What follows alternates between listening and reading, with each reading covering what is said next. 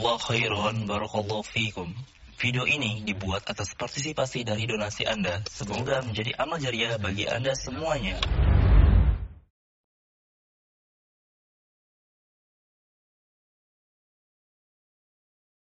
السلام عليكم ورحمة الله وبركاته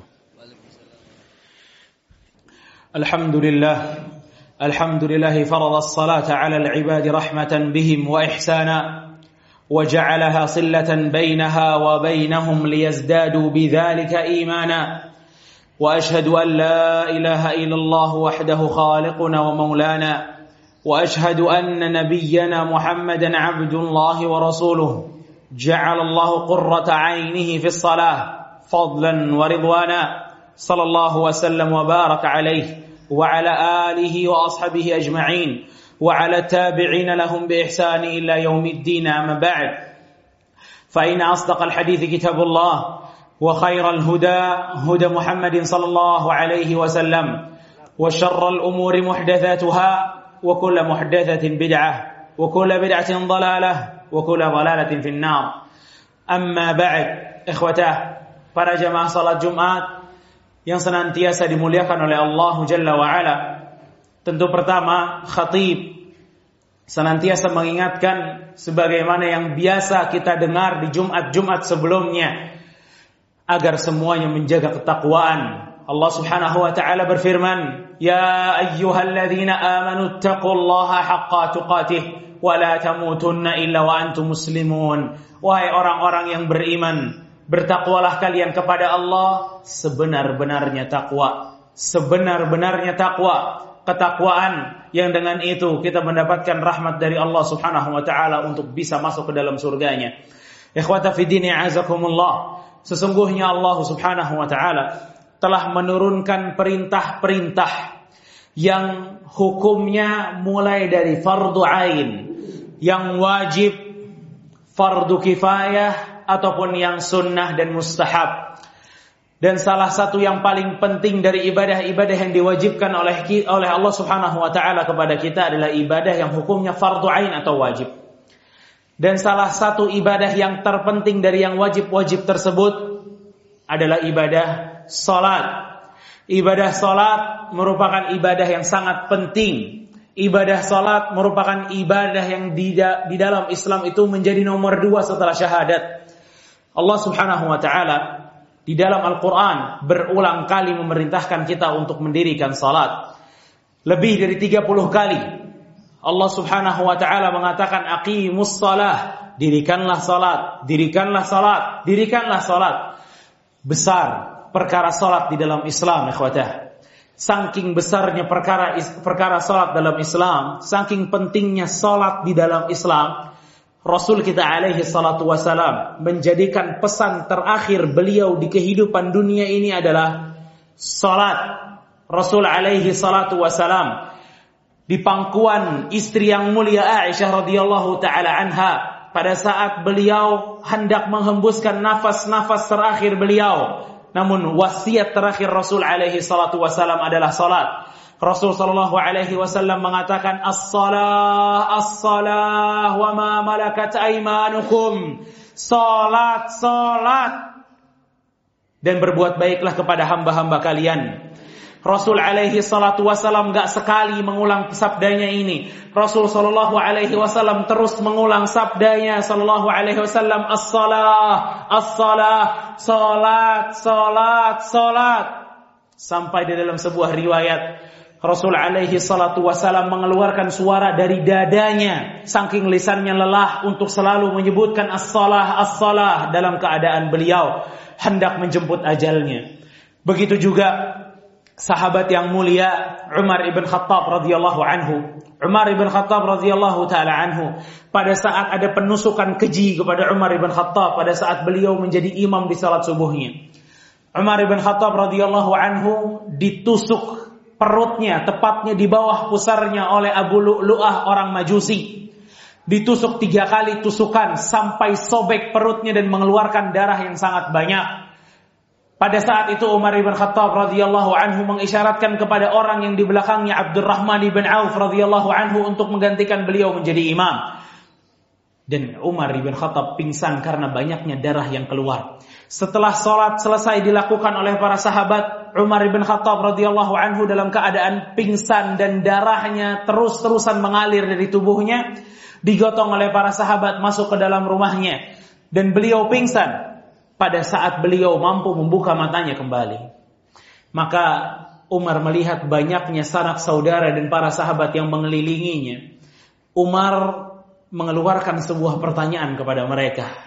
Pertanyaan Umar bin Khattab radhiyallahu anhu di saat perutnya masih sobek, di saat darah itu masih mengalir dari perutnya, pertanyaan beliau bukanlah bertanya siapa yang nusuk saya tadi. Pertanyaan beliau bukan kemudian menanyakan mana anak-anak saya, enggak. Pertanyaan beliau bukanlah mengatakan apakah orang yang menusuk saya tadi mengambil harta saya enggak. Pertanyaan pertama Umar bin Khattab radhiyallahu anhu adalah asallan nas, orang-orang udah sholat apa belum? Orang-orang udah sholat apa belum? Kata Umar. Para sahabat menjawab, "Na'am, udah wahai Amirul Mukminin." Lalu Umar bin Khattab radhiyallahu anhu beliau mengatakan, "Fa inna lahadha fil Islam liman taraka shalah." Karena enggak ada dalam Islam untuk orang yang meninggalkan salat. Enggak ada bagian dalam Islam untuk orang yang meninggalkan salat. Ikhwata fiddin azakumullah. Umar bin Khattab setelah mengatakan perkataan tersebut, beliau berusaha untuk melakukan sholat dalam keadaan darah terus mengalir di dalam tubuhnya atau dari tubuhnya. Dari sini kita lihat ikhwatah bagaimana Umar bin Khattab radhiyallahu anhu ngeri sekali dalam masalah meninggalkan salat. Karena kata Umar la fil Islam liman taraka salah. Enggak ada bagian dari Islam untuk orang yang meninggalkan salat. Enggak ada Islam untuk orang yang meninggalkan salat. Islam ya salat. Enggak ada ceritanya orang Islam enggak salat. Makanya ikhwatah, kadang banyak dari kita kalau kita mendengar si A berzina, kita sampai mengatakan naudzubillah, jangan sampai saya berzina.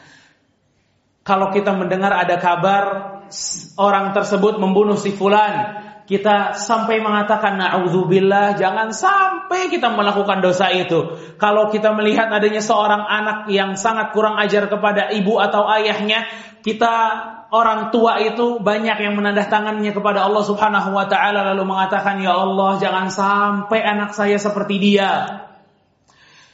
Namun begitu ngelihat ada orang nggak sholat, begitu ngelihat ada orang merendahkan sholat, meninggalkan sholat, biasa-biasa aja. Nggak mengatakan naudzubillah, nggak doain anaknya agar senantiasa bisa melakukan sholat. Padahal Jangan pernah berpikir dosa zina itu lebih berat daripada meninggalkan sholat. Enggak, meninggalkan sholat lebih besar daripada berzina. Jangan pernah berpikir bahwasanya ada anak kurang ajar sama orang tuanya itu merupakan dosa yang paling besar daripada meninggalkan sholat. Enggak, meninggalkan sholat lebih besar. Karena meninggalkan sholat itu bisa masuk derajat kekufuran. Rasul alaihi salatu wassalam beliau bersabda, Al-ahdu alladhi bainana wa bainahumus. Perjanjian di antara kami dan orang kufar Perbedaan antara kami dengan orang kufar adalah salat kata Rasul. Faman tarakaha faqad kafar. Siapa yang meninggalkan salat maka dia telah kafir. Dalam riwayat Muslim, Rasul sallallahu alaihi wasallam bersabda, "Bainar rajuli wa baina syirki wal kufri tarkus salat." Di antara perbedaan muslim, musyrik dan kafir adalah meninggalkan salat. Ikhwata fi din azakumullah, meninggalkan salat dalam Islam itu berat. Gak ringan. Gak mudah. Hukumannya gak ringan, gak kecil, gak. Hukumannya bisa sampai derajat kekufuran. Hukuman orang yang meninggalkan sholat bisa sampai di neraka selama-lamanya. Bahkan Allah subhanahu wa ta'ala seakan menganggap yang boleh kita katakan ukhuwah Islamiyah itu hanyalah orang-orang yang sholat. Allah subhanahu wa ta'ala berfirman dalam surat At-Taubah ayat ke-11 fa'in tabu wa aqamus salah wa atuz zakah. Kata Allah Subhanahu wa taala, kalau orang-orang itu tobat dan melaksanakan salat, membayar zakat, fa ikhwanukum fid din, maka mereka adalah saudara kalian dalam agama. Berarti Allah menggambarkan di sini, kalau mereka nggak salat, maka bukan ikhwanukum fid din. bukan saudara kalian di dalam agama. Beginilah meninggalkan sholat dalam Islam. Seberat inilah meninggalkan sholat di dalam Islam. Bahkan sebuah testimoni singkat dari murid Abu Hurairah, dari muridnya Aisyah, dari muridnya Abu Dhar, dari murid para sahabat yang mulia Abdullah ibn Syaqiq rahimahullah. Seorang tabi'in yang mulia beliau mengatakan ma'alimna syai'an minal a'mal tarkuhu kufrun illa salah. Beliau mengatakan kami nggak tahu ada sebuah amalan yang kalau ditinggalkan maka pelakunya jadi kafir kecuali sholat. Kalau ada yang meninggalkan puasa nggak mesti langsung jadi kafir. Iya kata Abdullah bin Syakik nggak mesti langsung jadi kafir. Kami menganggap para salaf kalau ada yang meninggalkan sholat maka yang meninggalkannya itu bisa jadi kafir. Dalam hadis yang lain Rasulullah alaihi salatu wasallam mengatakan pada saat beliau sedang mengingatkan para sahabat yang tentang kepentingan salat Rasul mengatakan Man hafadha 'alaiha kanat lahu nuran wa burhanan wa najah. Siapa yang menjaga salatnya kata Rasul. Enggak bolong-bolong salatnya. Jumat salat, asar enggak salat. Man kanat ha, man hafadha 'alaiha kanat lahu nuran. Siapa yang mampu menjaga salatnya nanti di hari kiamat dia dapat cahaya, dia dapat petunjuk dan dia dapat kebahagiaan. Wa man lam yuhafiz 'alaiha. Dan siapa yang enggak jaga salatnya lam yakun lahu nur, enggak bakal dapat cahaya di hari kiamat, enggak bakal dapat petunjuk di hari kiamat, enggak bakal bahagia di hari kiamat. Dan kata Rasul sallallahu alaihi wasallam, dan di hari kiamat wa kana yaumul qiyamah ma'a qarun wa fir'aun wa haman wa ubay bin khalaf dan orang yang meninggalkan salat di hari kiamat akan dikumpulkan bersama Qarun, Fir'aun, Haman, Ubay bin Khalaf. Empat tokoh besar penduduk neraka. Kata Syekh Abdul Razak hafizahullah ta'ala. Beliau mengatakan, maka siapa yang meninggalkan salat karena sibuk dengan hartanya, maka dia seperti Qarun. Siapa yang sibuk, siapa yang meninggalkan salat karena sibuk dengan kekuasaannya, maka dia seperti Fir'aun. Siapa yang meninggalkan sholat karena sibuk dengan jabatannya, maka dia seperti Haman. Siapa yang sibuk, siapa yang meninggalkan sholat karena sibuk dengan perdagangannya, maka dia seperti Ubay bin Khalaf. Siapa yang berharap dikumpulkan dengan tokoh-tokoh kufar. Tapi jika kita nggak menjaga sholat, maka teman kita adalah Fir'aun, Korun, Haman, dan Ubay bin Khalaf. Maka kita tanya sama orang-orang yang masih saja mudah meninggalkan sholat. Jumatan sholat, asar nggak sholat. Sholat satu hari cuma maghrib aja, subuhnya nggak sholat.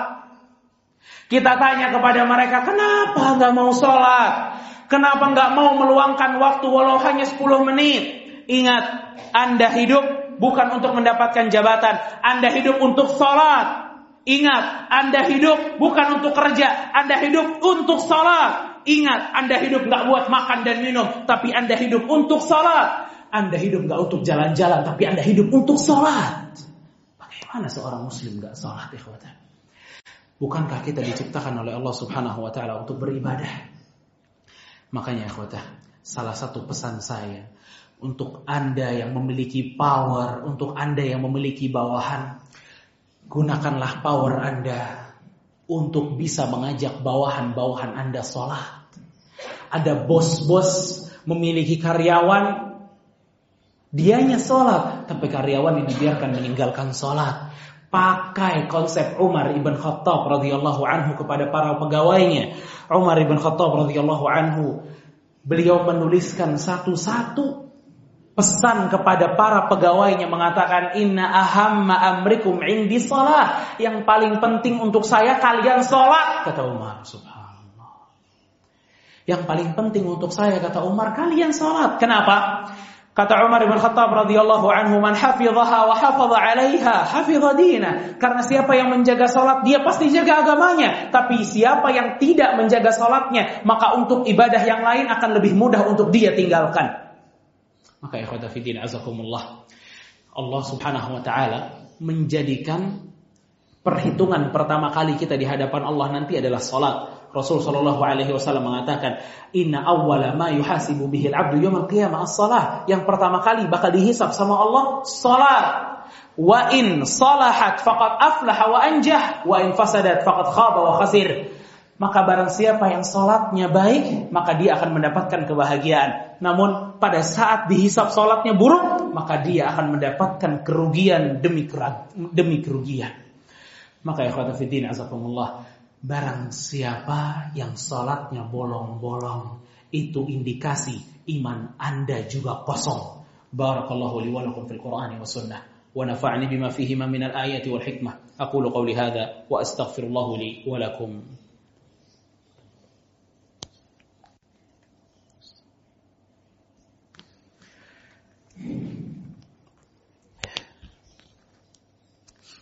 الحمد لله الحمد لله العزيز الغفار الواحد القهار والصلاة والسلام على نبينا مصطفى المختار وعلى آله الأطهار وأصحابه الأبرار أم بعد Akhwatah, setiap dari kita tanpa terkecuali akan memiliki persidangan di hadapan Allah Subhanahu wa taala. Semua dari kita akan bertemu dengan Allah Subhanahu wa taala disidang oleh Allah. Perihal dengan amalan-amalan kita, ikhwatah.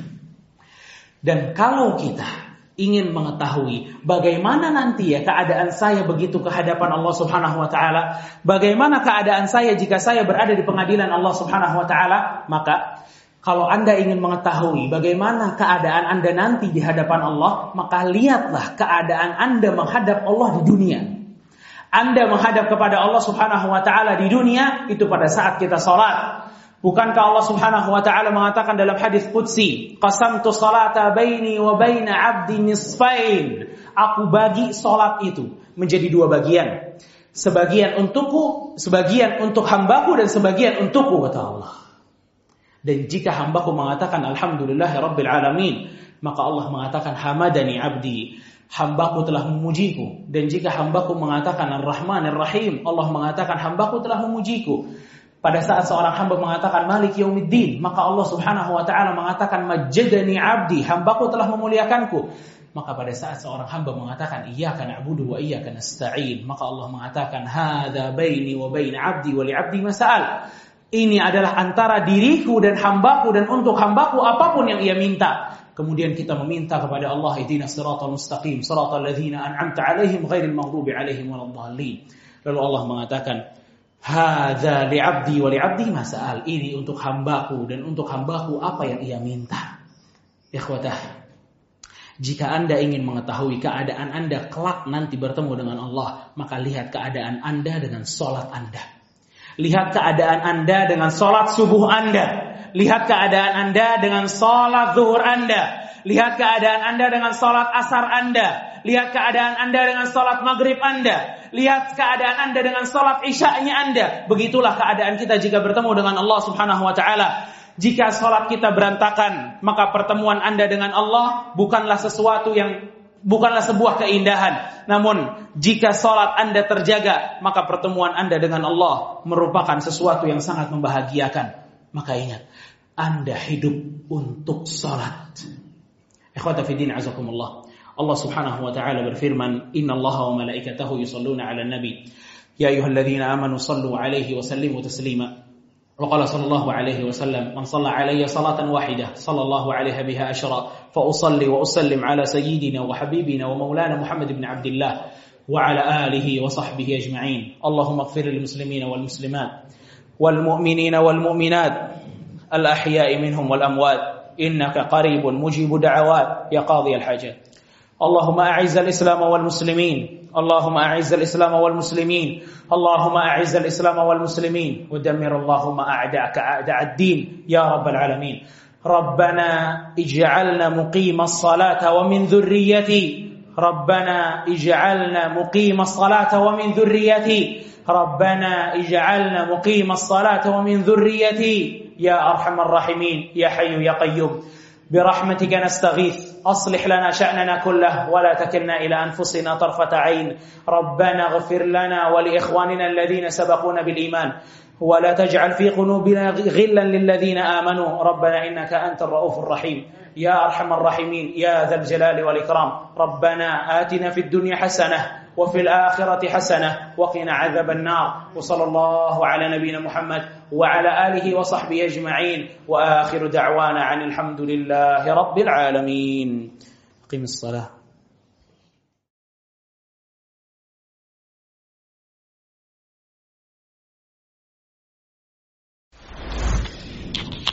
Jazakumullah khairan barakallahu fikum. Video ini dibuat atas partisipasi dari donasi Anda. Semoga menjadi amal jariah bagi Anda semuanya.